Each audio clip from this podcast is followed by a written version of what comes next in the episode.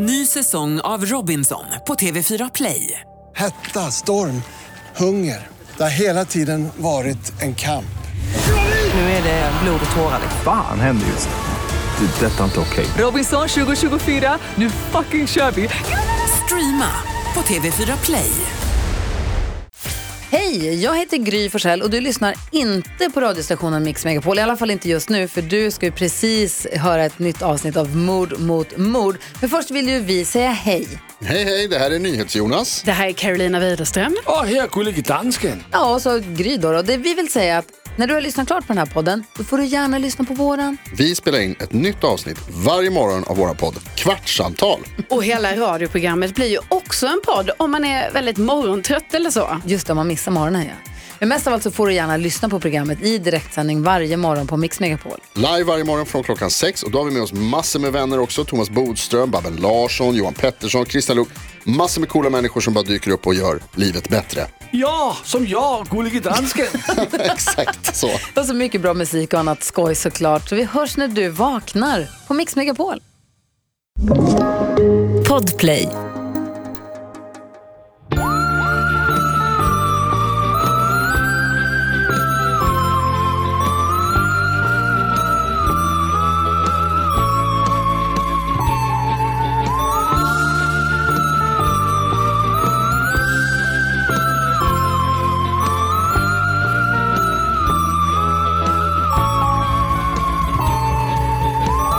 Då hälsar vi alla välkomna till veckans avsnitt av eh, Mord mot mord podcast. Ja, eh, som vi kallar den.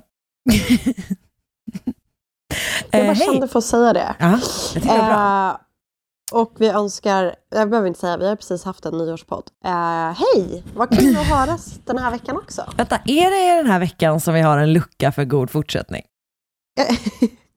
Hinner vi med? Hinner vi med? Hin- det gör vi, eller? Det gör vi. God Eller- fortsättning. Eller är det redan för, för sent för att typ folk har börjat jobba? Alltså man har börjat jobba liksom. Då är det Just väl över? Eh, jag har fått några så god, fortsätt, god fortsättningsmail. Okej, ja, men så då är det ändå kosher. Jag har också fått en sån, jag har också fått en sån eh, snart blir det ljusare. Just det. Vad kände du då? Eh, då kände jag... Lies, lies, lies. Nej, vet jag kände så här, gud, om jag kunde ha en promille av den där personens optimism så skulle jag vara en helt annan person. Det mejlet var ju från mig.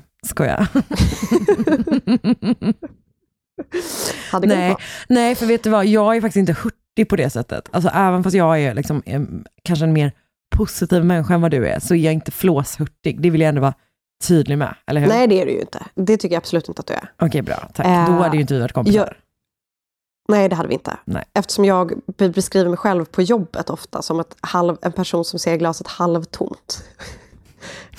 Jo, fast Och det är jag ju även privat. Men jag tycker att någon behöver vara det. Det finns så många glada personer här omkring oss.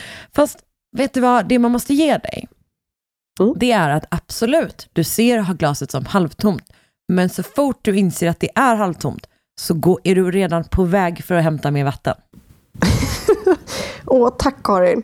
Alltså jag menar, Du vet precis vad man ska säga. nej men jag är det jag är. Jag är inte flåshurtig, jag är ärlig. Ja.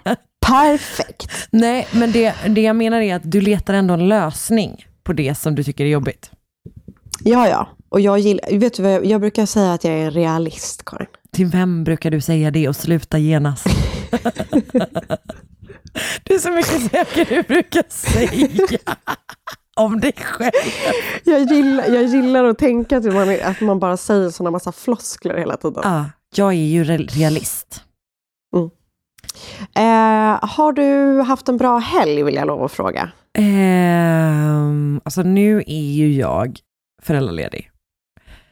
Så alla dagar är helg.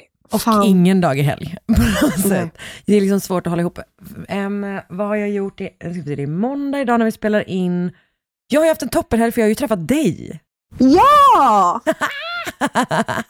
Jag tänkte jag ville liksom berätta för alla som lyssnar att eh, än så länge är nyårslöftet starkt, eh, med stark utgång här.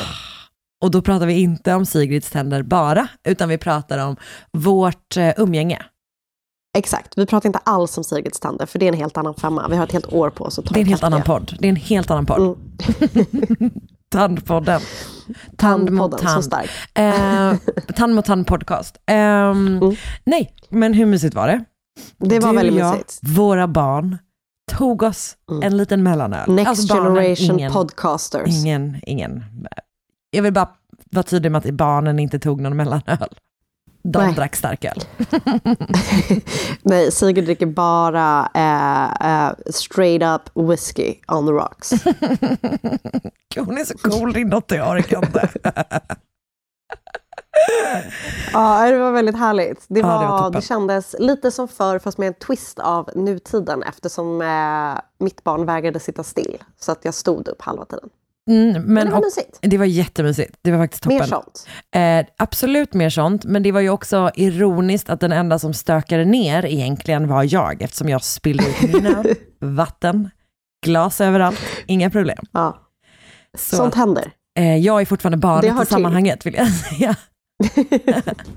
jag är fortfarande lantisen som inte kan bete sig. Så det känns skönt. På något sätt. Nej, nej, Karin. Du är från Göteborg. Ja, det är, det är jag verkligen. Från Partille. Du är en storstadsböna. Tack hjärtat, det var fint sagt. På Mm. tal om Göteborg, ska vi bara riva av det? ja, vi berättar vad vi har att säga. Alltså vi har ju typ inte så mycket att säga än, men det är ju så att det har kommit nya eh, restriktioner nu. Och vi vet inte riktigt vad det kommer liksom, hur det kommer påverka livepodden i Göteborg 6 februari. Men vi kommer förstås liksom följa restriktionerna och skulle det bli så att vi behöver flytta så kommer vi meddela det så fort vi bara kan och dessutom så kommer det självklart vara så typ att biljetter kommer gälla nya dagar, alltså sådär. Så att vi kommer liksom Eh, vi, håller på, vi, vi håller på att kolla på det och eh, eh, vi återkommer så fort vi vet mer. Och så länge, för det har Ja. inte vi sagt, men det är ju uppenbarligen så att man självklart behöver ha, oavsett hur det är liksom, det här, om vi behöver flytta, så kommer man behöva ha vaccinpass såklart. Så att Precis. eh, om det skulle vara så att En bra anledning på, om man fortfarande inte har vaccinerat sig är att gå och göra det då. Verkligen. Gud vad sjukt om, Jag tar ställning. om vi är, eh, det tycker jag verkligen vi kan göra, om Mm. vi är anledningen till att någon går, går och vaccinerar sig, alltså det är för svagt. Av alla jätte- jättemånga anledningar som finns, så är det så här, nej men jag ville ändå, vet du vad, nu ska jag säga dig, idag har jag bestämt vad jag ska göra för fall på Göteborgspodden, och det är värt att få mildare covid på grund av vaccin. Det var en konstig mening. Du förstår vad jag menar. Det, det, jag, ja, jag tror jag förstod vad du menade. Det är, eh, ja jag är Det väldigt är nöjd. värt att ta sitt vaccinspruta för att få komma på podden, så kan vi säga. Ja, och sen så vill vi också då vara tydliga med att det finns väldigt många anledning, andra anledningar, eh, viktigare. Absolut. Eller? Absolut. Eller? Ja, ja, ja. Eh, nej, men så vi, vi håller er uppdaterade, vi ehm, gör vårt bästa för att, att komma med en lösning eller meddela hur vi kommer behöva göra så fort som möjligt. Så har vi sagt det. Exakt. Bra. Eh, annars då? Eh, annars då, nej men det... Jag kan ju bara säga också att förra veckan så tipsade jag ju om en dokumentär eh, på Netflix. Just det, just det, just det. Nu är det en del som har skrivit till mig att jag har gjort det här fallet i podden. Och jag är alltså blir typ röd i ansiktet när jag säger det här för att jag skäms. Men det är också typ tre år sedan det hände. Ja, för när, Eh, det tänkte jag på, vilket avsnitt är det, vet du det? 23 tror jag att det var. Vad sa du, vilket? 23. Ja, men det är ju så himla länge sedan. Det här är avsnitt 196.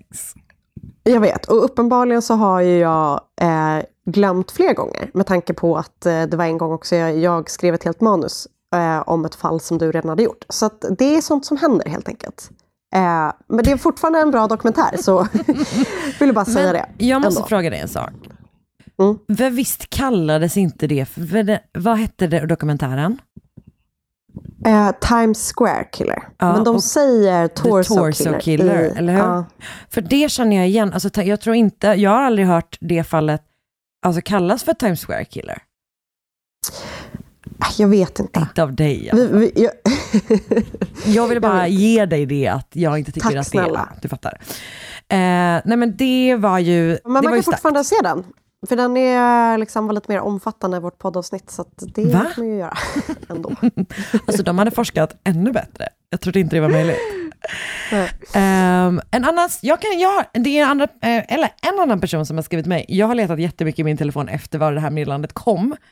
För jag tror att det var DM, jag hittar det inte. Men hur som helst var det en person som skrev till mig, som jag nu inte då vet vad, den heter, men som jag ändå vill uppskatta, visa uppskattning för, som berättade att först 1969 kom, okej vänta, nu kommer det här bli för random.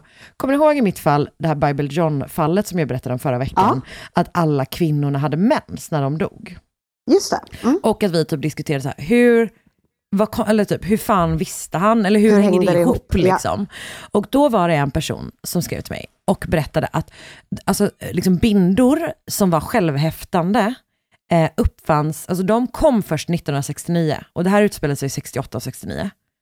Eh, innan dess så hade kvinnor någon slags, alltså typ bälte som höll fast Okej. bindan på något vänster. Så skulle det kanske vara så att den här mördaren, alltså när, att han dansade med offren, gjorde Kände att han kanske bältet. kände bältet. Ja, alltså det var, Var inte det en superbra teori ändå? Jo.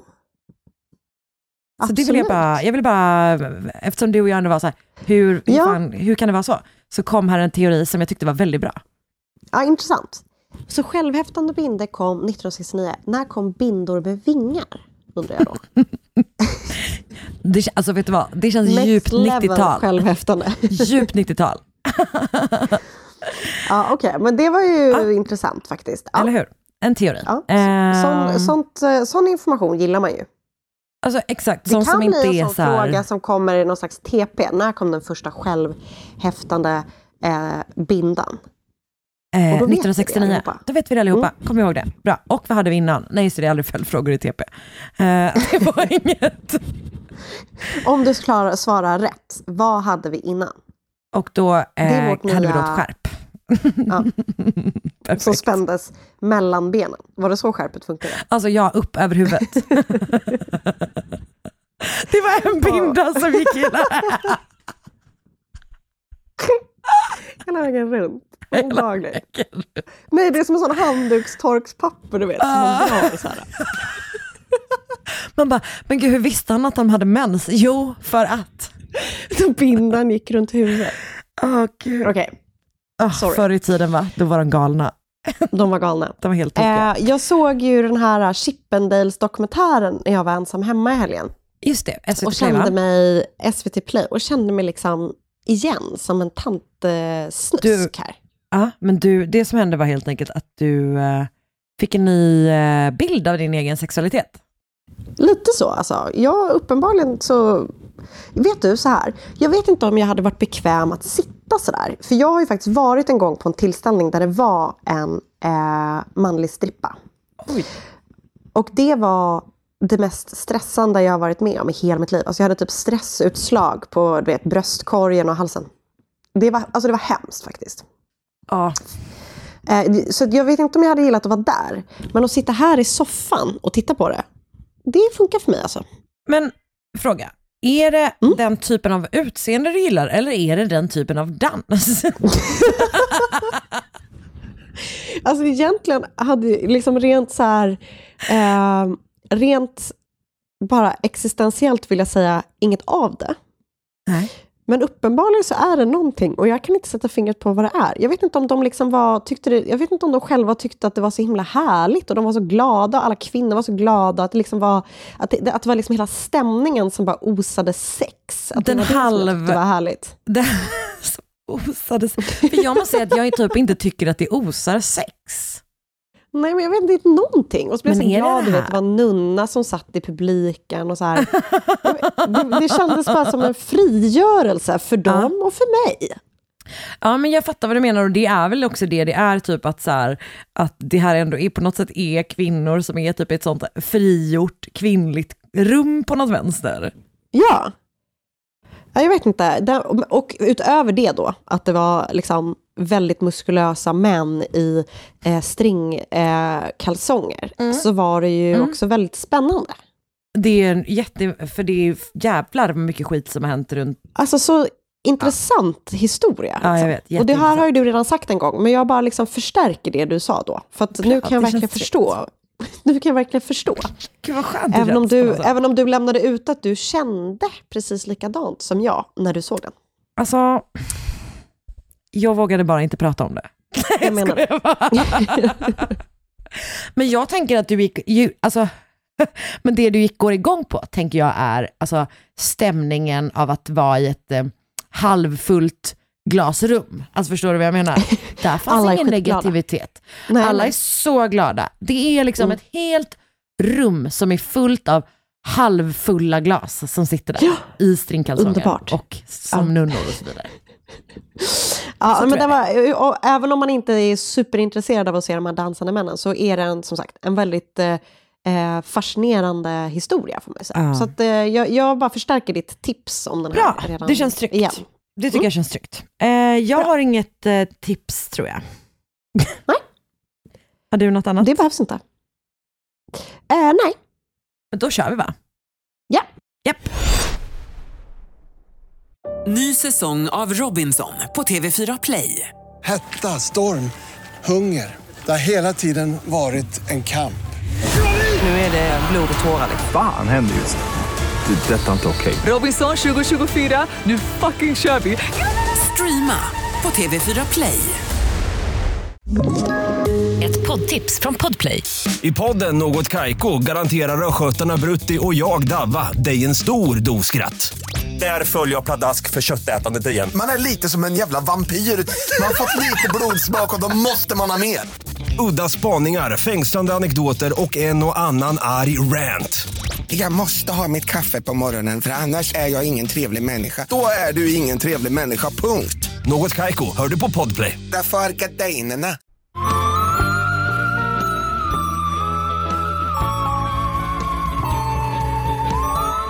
Nu är vi tillbaka. Och eh, idag så eh, har jag ett fall som är eh, eh, hemskt och sorgligt på liksom... Eh, ja, det är hemskt och sorgligt. Så att eh, jag börjar helt enkelt. Eh, 1996 föds Austin Haroof i Palm Beach i Florida. Hans mamma och pappa är farmaceut respektive tandläkare och de har det liksom gott ställt. Palm Beach är ju en väldigt tjusig plats och eh, ett hem, liksom, eller en plats för människor som har gott om pengar. Likaså då den här familjen Haroof. Familjen eh, som då består av Austin, hans ett år yngre syster, mamma och pappa, verkar ha levt ett liksom, helt vanligt liv. Eller då kanske lite rikare än ett helt vanligt liv. Ett helt vanligt liv i Palm Beach. Fram tills år 2010.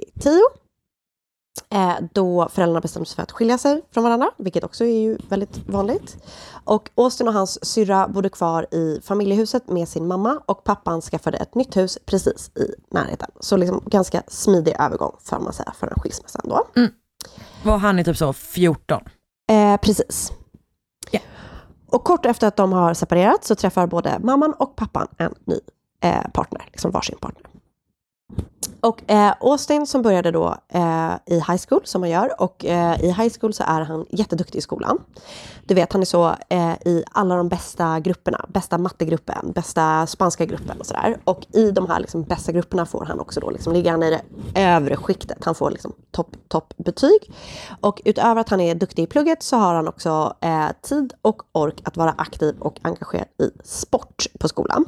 Och han spelar då fotboll genom hela skolgången och verkar vara eh, väldigt duktig på det. Han är så verkligen en footballer i kroppen. Han är liksom lång, och stor och stark. Så. Eh, och eh, då har jag skrivit så här. Men precis som Bamse, om man är stark så måste man vara snäll. För han är då en så riktig, riktig eh, good guy. Han, du vet, tycker om att hjälpa andra människor och under sin skolgång så tänker han på vad han ska göra när han blir vuxen. Och han vill då jobba med någonting där han kan eh, hjälpa andra människor och göra gott för andra. Liksom. Så 2015 så tar Austin sin examen från high school och lagom till eh, sin examen så får han reda på att han har kommit in på Florida State University på deras fyraåriga förberedande liksom med school. Så att det, ja, han har då bestämt för att han vill bli läkare. Och, eh, Så man läser det innan man ska läsa läkarlinjen? jag vet inte, jag har typ tänkt att det, jag har inte liksom riktigt tagit reda på exakt vad det innefattar, men jag Nej, tänker att det kanske är så här som eh, tekniskt basår fast för läkare. Just det. Eh, och, Just det. Ja.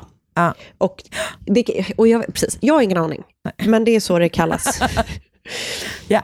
Så eh, sommaren 2015, eller när liksom sommarlovet är klart, går flyttlasset med Austin till Tallahassee och Florida State University. Och väl där så liksom verkar allting gå bra. Han träffar en tjej som han blir ihop med och eh, han verkar som att han lämnar fotbollen men han börjar syssla med bodybuilding. Något som han liksom tycker är toppen. Men under ytan så är det något som pyr. Han har väldigt dålig självkänsla och har en väldigt stark önskan om att vara omtyckt och accepterad. Något som han känner eh, att han inte blir. Så han blir liksom väldigt nere och deppig och eh, ungefär ett år in på sin utbildning på eh, college då så börjar han dricka mer. Han testar olika sorters droger, både marijuana men också liksom andra tyngre och receptbelagda saker. Och den kombinationen eh, är ju liksom inte så stabil att du vet så här, äh, ja, han mår jättedåligt och sen så börjar han liksom själv medicinera med olika eh, saker.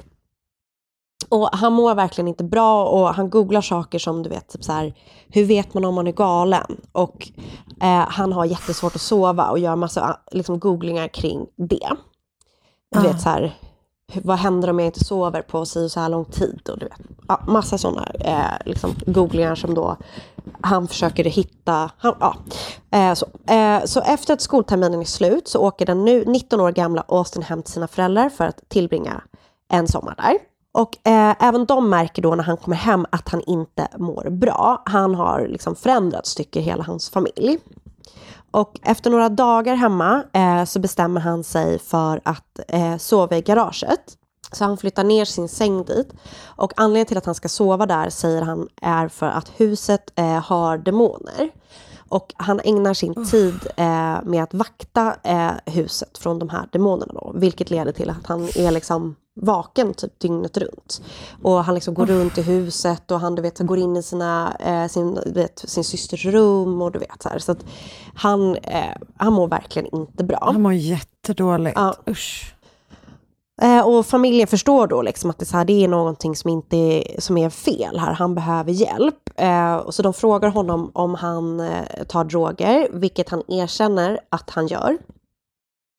Så film, familjen blir då helt fokuserade på att de ska få honom att sluta med det. Eh, och verkar liksom vara ett stöd kring det. Eh, men det hela liksom bara eh, fortsätter och du vet, han bete- mår jättedåligt märker de och han beter sig väldigt udda på många olika sätt.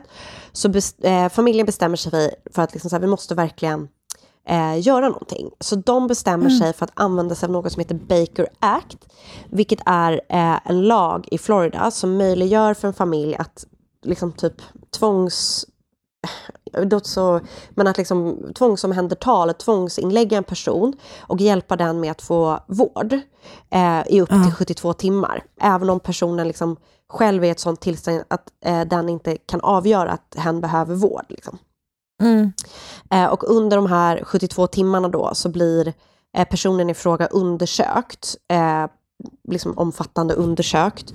Och när de här 72 timmarna är över så får personen i fråga en vårdplan som familjen då ska hjälpa dem att utföra på, eller genomföra. Okej. Mm. Så det planerar familjen eh, för att använda sig av i mitten eh, på augusti. De är liksom ordentligt oroliga. Men den 15 augusti så är Austin ute och äter med sin pappa, sin syster och sin flickvän och en kompis på restaurang när han plötsligt bestämmer sig för att lämna restaurangen. Och när han har lämnat den så tar han sig hem till sin mammas hus som ligger precis i närheten av den här restaurangen. Och där tycker hon att han beter sig konstigt. Så hon bestämmer sig, bland annat så dricker han typ så här olja direkt ur en flaska och du vet, hon är bara så här, vad är det här liksom? Så hon bestämmer sig eh, för att ta tillbaka honom till restaurangen där hans pappa och de andra fortfarande befinner sig. Men även där fortsätter han att bete sig konstigt och han börjar bråka med sin pappa och efter bråket så reser han sig och går därifrån. Och efter det så händer något fruktansvärt. För senare den här kvällen kallas polisen hem till makarna John Stevens III och Michelle Michon efter att en granne har ringt eh, dit dem. John och Michelle är i 50-årsåldern och har varit gifta med varandra i 20 år. Eh, de har en hund och inga gemensamma barn, eh, men de har båda barn från tidigare äktenskap som då är vuxna. Mm. De har nyligen gått i pension och fram, såg fram emot att tillbringa ålderns höst tillsammans med att göra liksom diverse trevliga pensionärssaker. Grannen som har ringt polisen då heter Jeff Fisher och han har hört tumult från parets eh, garage och gått dit för att se vad som pågick.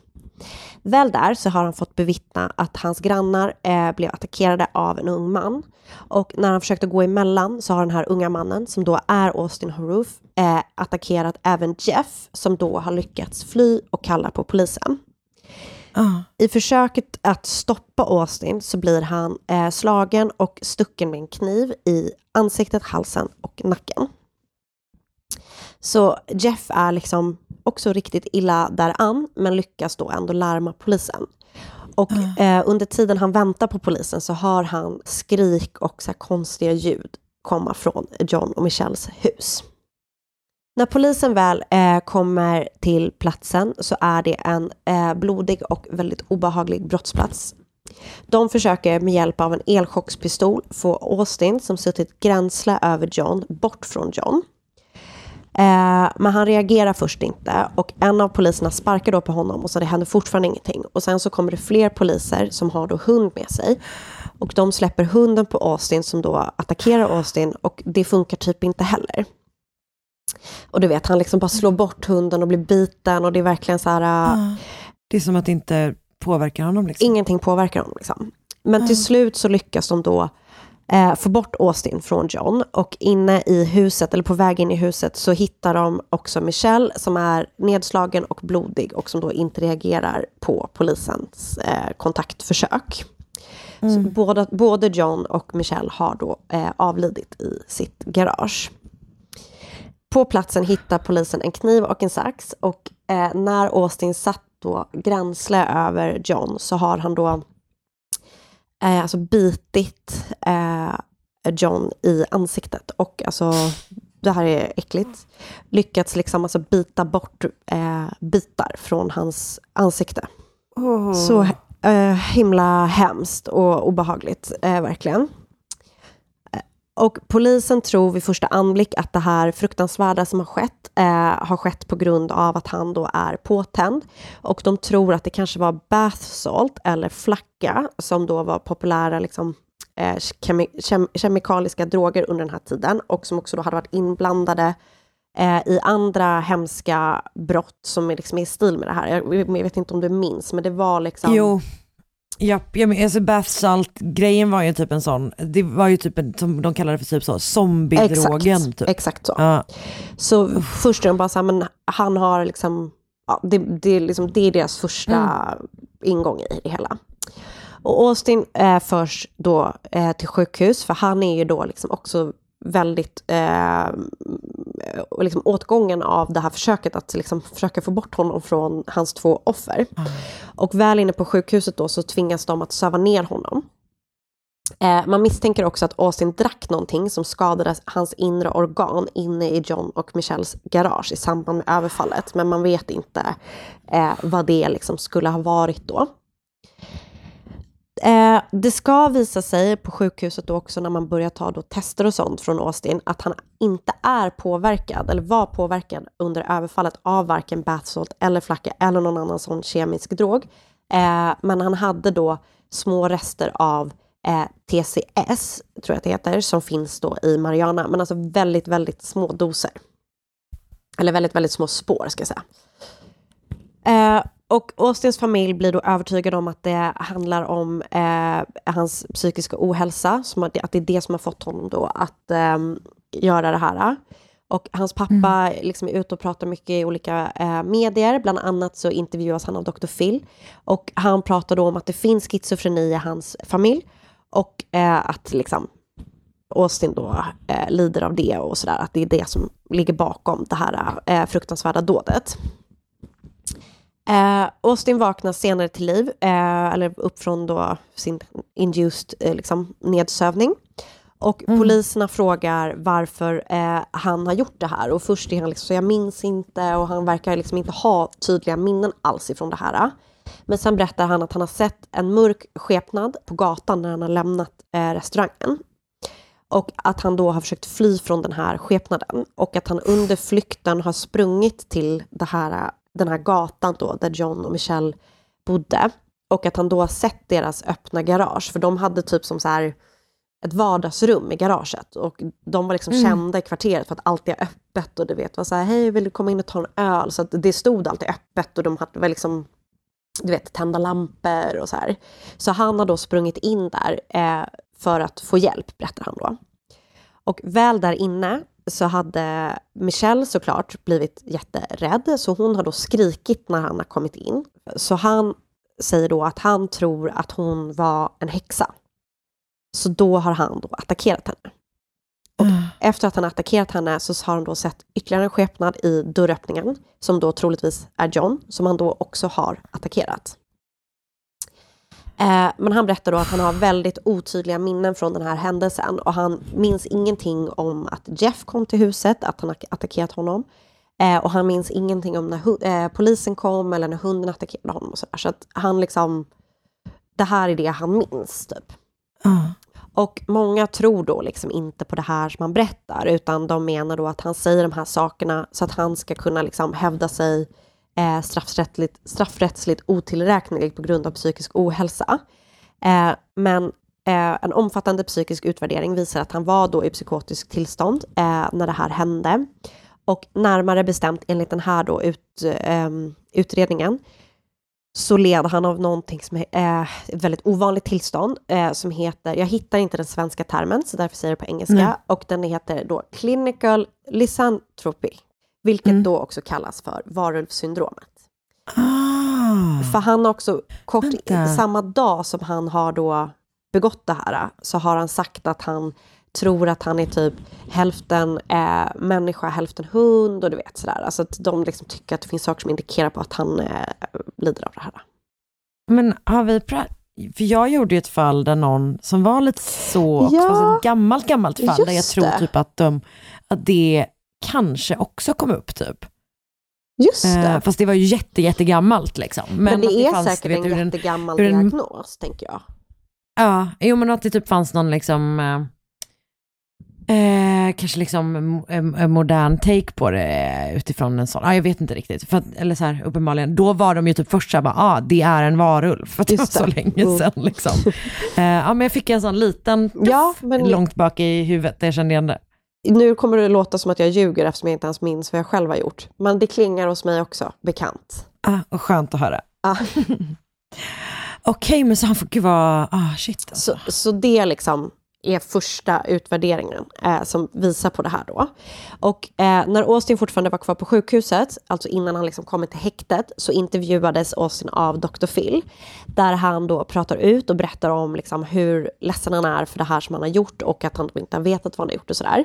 Vilket jag bara tycker är så liksom speciellt att det tillåts att man eh, är liksom mitt i det här och ändå då Ja, och sjuk. och sjuk och liksom allting och så, så tillåts det eh, på, liksom, att intervjuas Ja, det är så. inte helt självklart utifrån typ ett så eh, journalistiskt etiskt perspektiv Va- nej, att exakt. välja att sätta en sån person framför en kamera. Liksom. Exakt.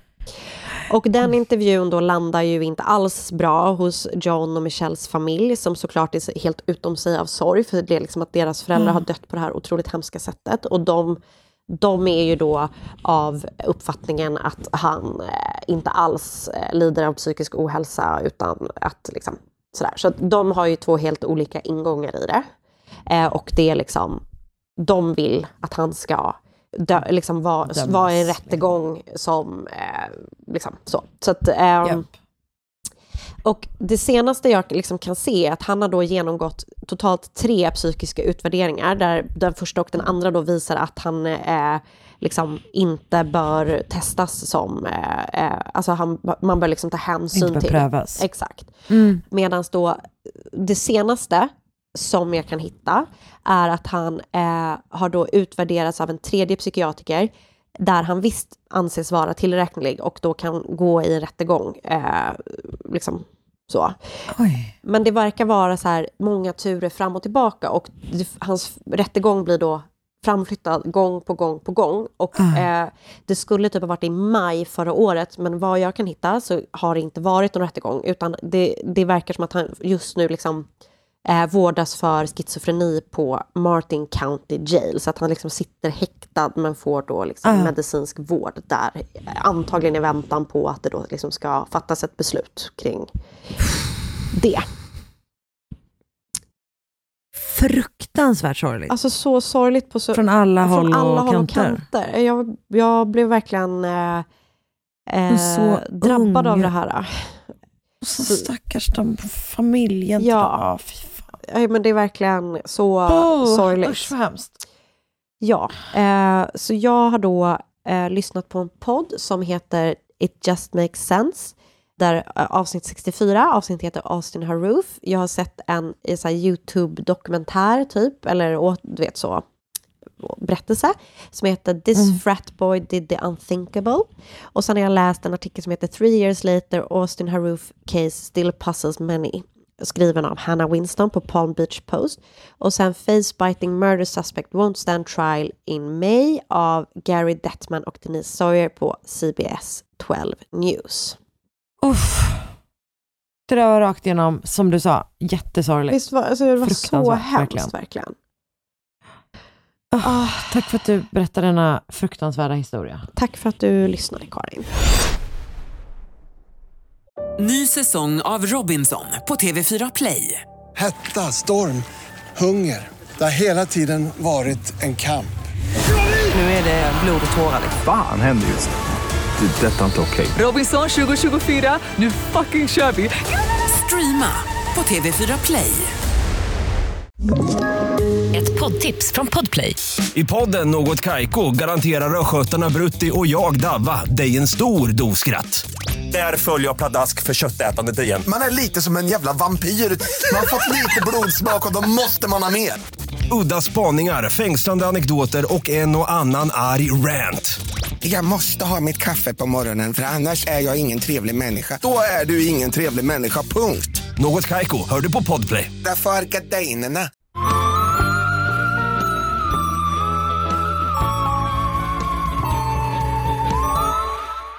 Nu kör jag på. Och eh, ja, det är tyvärr franska namn.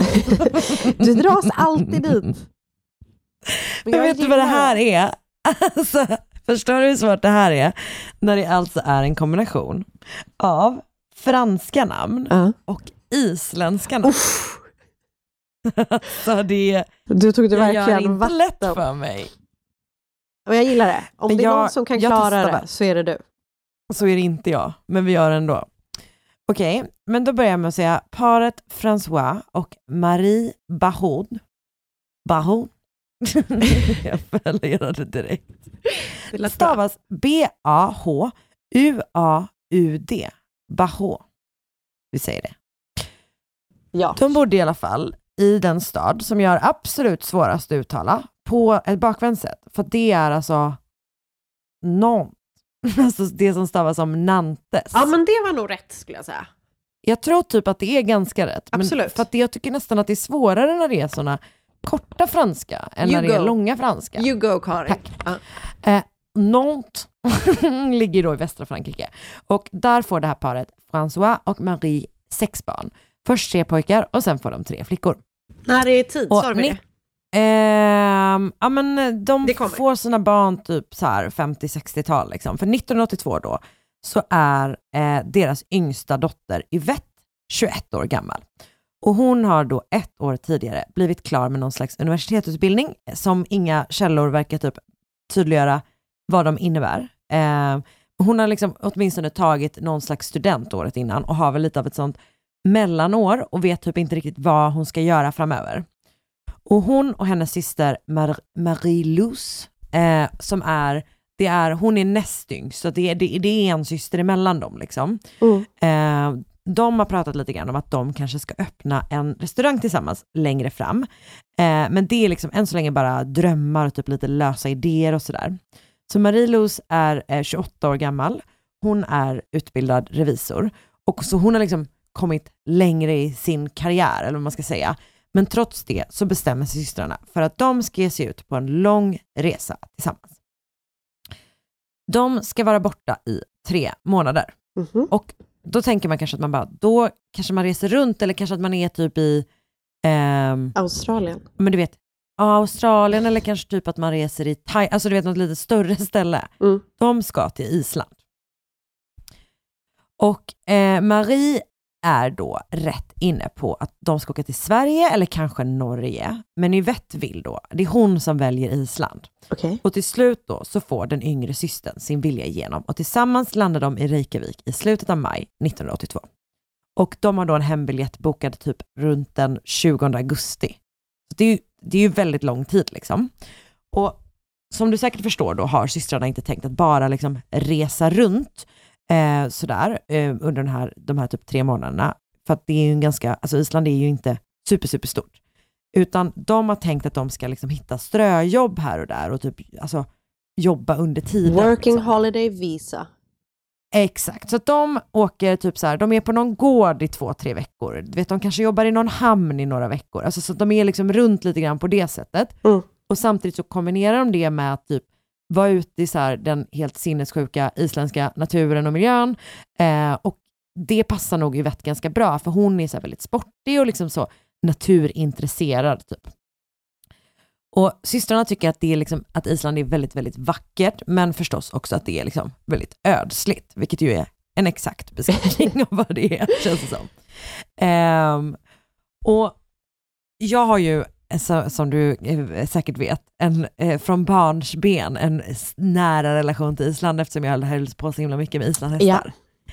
Eh, så att jag ju höll, här, när vi skulle föreläsa om ett land i skolan och sånt, eller typ hade sådana Europadagar, så var jag alltid Island liksom.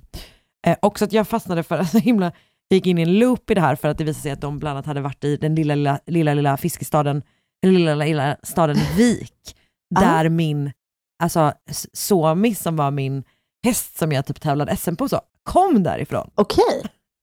Ändå så då började jag också googla loss på honom och hittade tävlingsresultat från 1984 när han hade typ så kommit trea i en tävling på Island. Alltså, jag, jag gick loss helt enkelt i de isländska mediearkiven.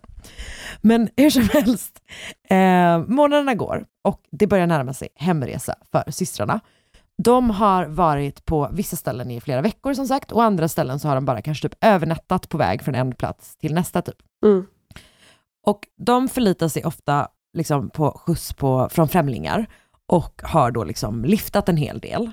Ehm, jag har ingen aning om hur kollektivtrafiken ser ut på Island 1982. Vad jag förstått så är det ju inget så här superutvecklat turistland, vilket det ju ändå mer är nu. Eh, att om man är där så är man typ ofta väldigt så här intresserad av vandring, eller du vet liksom så, att man, man åker dit på grund av ett intresse snarare än av att man är så här, ehm, ja man kanske typ är jätteintresserad av islandshästar då, till exempel. Så att jag tror att man är nog ganska utlämnad till just så här, skjuts från folk och, och sådär liksom. Så att ehm, i mitten av augusti, eh, så de har liksom varit ute och lyftat en hel del och i mitten av augusti så har de varit vid vulkanen Aska, sen har de tagit sig till Akureyri, vidare till den lilla staden Djupivågur på Islands Gulligt namn. Och, eh, eller hur? Men isländska är ju ett otroligt språk. Eh, och nu ska de då fortsätta söderut. Så den 16 augusti har de sex dagar kvar på sin resa. Så att, ja, jag antar att, det, att planet hem går 22 augusti helt enkelt. Och de står vid en korsning strax utanför Hornafjörður när en grön Mercedes-Benz stannar och en man erbjuder dem skjuts. Och de står där och lyfter, liksom. det, det är det de håller på med där. Och det är ödsligt, alltså det är typ det är liksom lite grann mitt ute i ingenting, som så mycket annat på Island. Typ. Och han ska då till gården Hoff, som ligger lite längre, eller ligger längre söderut. Och det är då perfekt för de här systrarna, så de hoppar in i bilen. Och den här mannen heter Gretar och har någon slags ljus på taket på sin bil, så att de uppfattar det som att det är någon slags utryckningsfordon typ. Eh, och han berättar att han jobbar med så trafiksäkerhet, eller om du vet om det är så här på Trafikverket och sådär. Eh, och att, att han liksom ofta jobbar då tillsammans med polisen. De får lite grann upplevelsen att han är polis. Typ. Mm. Och de känner sig då förstås eh, säkra med honom, Maria och Yvette. Och han är liksom trevlig och lätt att prata med. De typ pratar engelska med honom. Och eh, när systrarna då berättar att de så himla gärna skulle vilja se Issjön eh, Jökulsarlon som ligger ut med vägen, så erbjuder han dem att stanna. Så att de liksom så här stannar vid den här issjön och typ så här tar massa bilder och du vet, ja, men gör ett så här helt vanligt turiststopp. Liksom. Mm. Och systrarna frågar om Greta kanske känner till något ställe där de skulle kunna övernatta och han tipsar dem då om en stuga i, och det här är inte lätt, Skeiðararsandur. Det lät bra för Eh, mig. Ja, tackar. Det är ju det jag vill imponera på som vanligt. eh, och de här, den här stugan beskrivs typ som en, alltså i engelskspråkiga källor, som en trail cabin. Eh, det är verkligen två pyttesmå stugor som typ känns som att de står lite grann mitt ute i ingenting typ. Eh, men det isländska ordet översätts, alltså det, det blir liksom fristad på typ svensk, på liksom Google Translate. Men på något ställe så översätts det till gästhus. Alltså, jag tror att det typ är någon slags liksom stuga, typ mer eller mindre ute i ödemarken, där man kanske kan övernatta om man har varit på fjället. Eller Ja. vet sådär. Liksom. Mm. Eh, men lite oklart.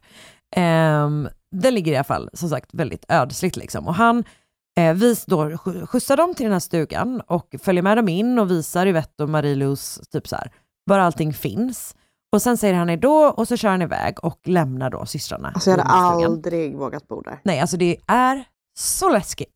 Alltså det är fruktansvärt läskigt. Och det är ju någonting med den isländska naturen som också är Så kargt och... jätteläskigt Ah. faktiskt. Eh, och de, men de har ju typ varit, det här är liksom inte deras, det är inte deras första kväll på Island, utan de har ju varit där ganska länge Mm. och har väl, de är ju uppenbarligen jättemodiga. Eh, det, det, det, varken du eller jag hade någonsin Aldrig. vågat det här liksom.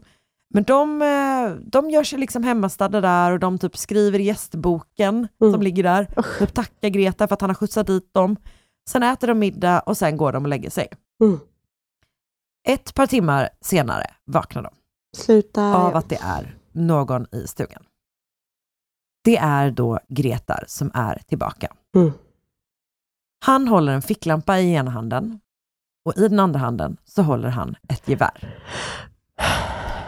Och han säger att polisen har kontaktat honom och berättat att systrarna har rökt hasch. Mhm.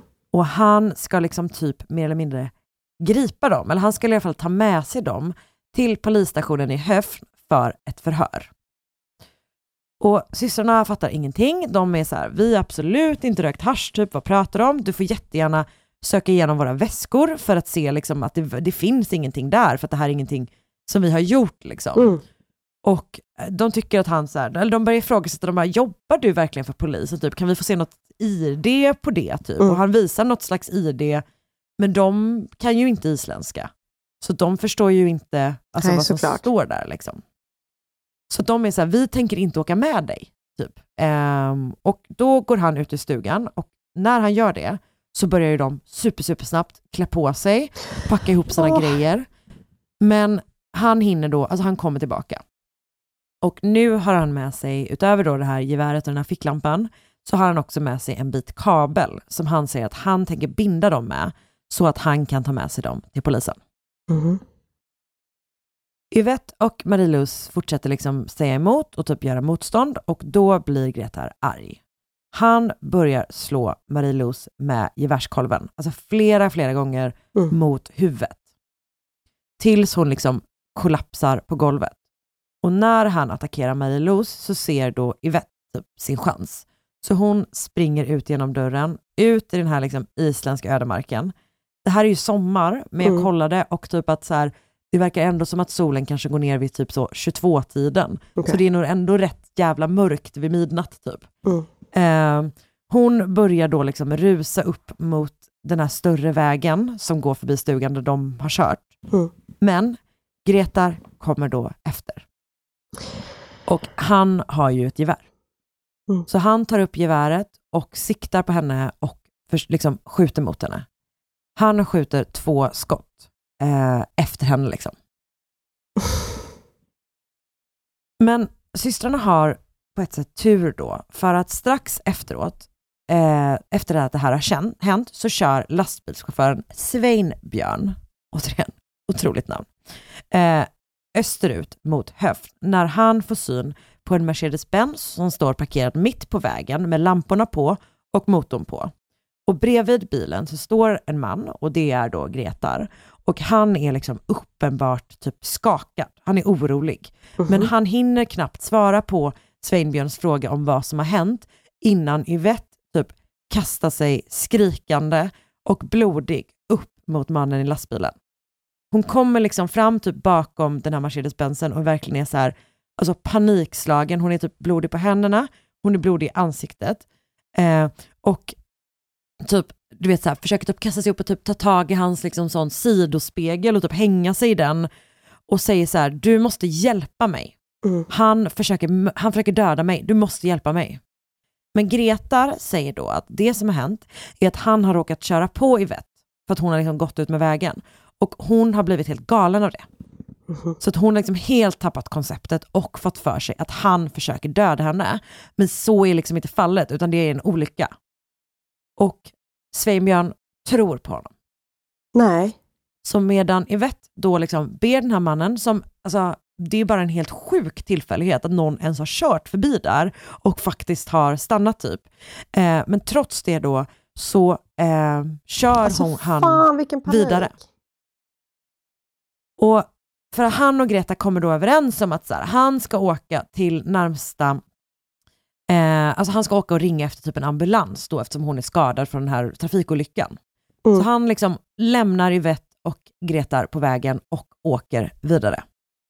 Han åker till ett ställe, det här verkar vara typ som en nationalpark i det här området. Det finns liksom något slags viltcenter typ eller så i den här parken.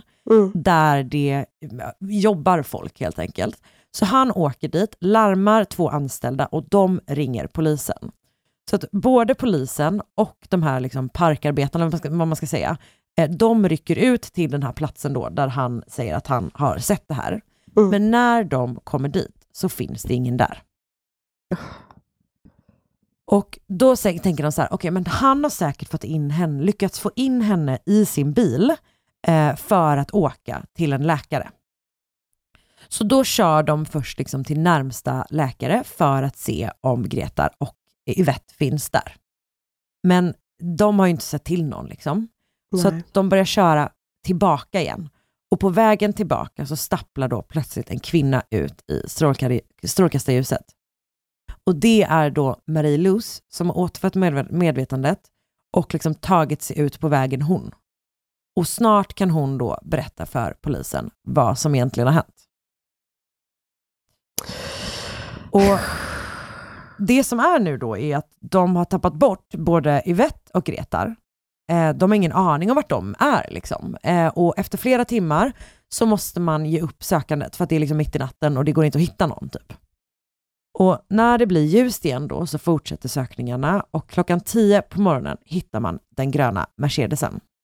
Och den står liksom parkerad i, så här, jag tror att det är ganska nära en grusväg, men det är liksom ett ödsligt område vid typ en så liten flod eh, vid Svinafällsjökull. Eh, och det, vad jag kan se ser det ut att vara kanske typ så 20 minuters bilfärd bort, men det är lite oklart typ. Eh, men det är samma område men, men en- liksom en bit typ. Och eh, polisen tar sig då fram till den här bilen och eh, kan konstatera att Gretar inte är där. Eh, det sitter ingen i bilen och istället då bestämmer man sig för att öppna bagageluckan. Nej. Och där hittar man Yvettes kropp. Och hon har då dött av en skottskada i ryggen.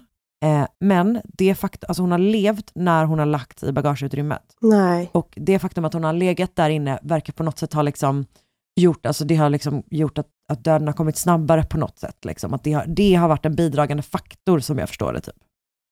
Så att hon hittas då där och Gretar är inte där och det är inte heller hans vapen. Så nu har de liksom en uppenbart våldsam och beväpnad man som är på flykt någonstans i liksom vildmarken på södra Island. Typ. Fy fan vad läskigt. Och man påbörjar då en sökinsats. Eh, jag tänker att den nog är så stor som man typ kan göra den i, på Island vid Mm. den här tiden. Eh, att det är så här, det här är liksom, nu har de strax över 650 poliser vad jag kan se, eller vad jag kunde se. Det här är liksom 1982.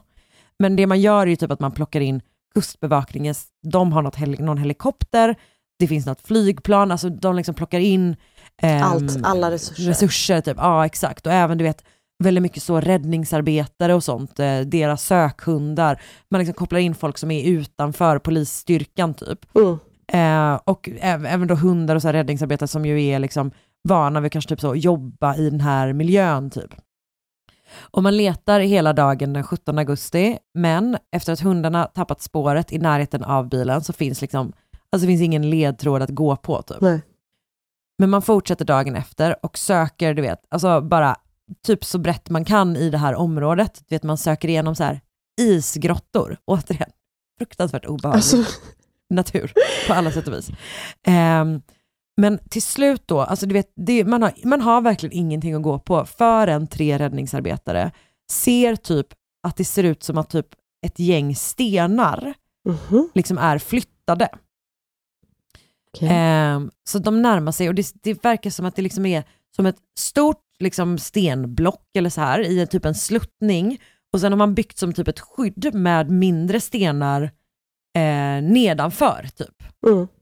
Så det är liksom nästan som en igenbyggd grotta där inom, du förstår. Typ. Mm. Eh, och de närmar sig då den här eh, liksom grottliknande, det beskrivs typ som en stenhög i ganska många källor. Eh, och bara det, att det är så här, Mm. du letar också efter en man som sagt som är beväpnad. Ah. Och du ska typ ta dig, Ta bort alla de här stenarna, fy fan. ja men det, det man gör då är att så här, man kan spana in genom ett hål. Mhm. Och där inne ligger Greta. Och han ligger liksom helt stilla.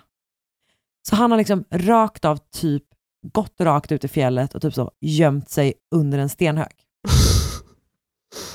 Och det man tror, eller det som det ser ut som, är att han liksom ändå har haft planer på att försvara sig själv, eller vad man ska säga, för att han har liksom lagt typ ammunition på ett sätt som gör att alltså det ska vara typ nära till hands. Liksom.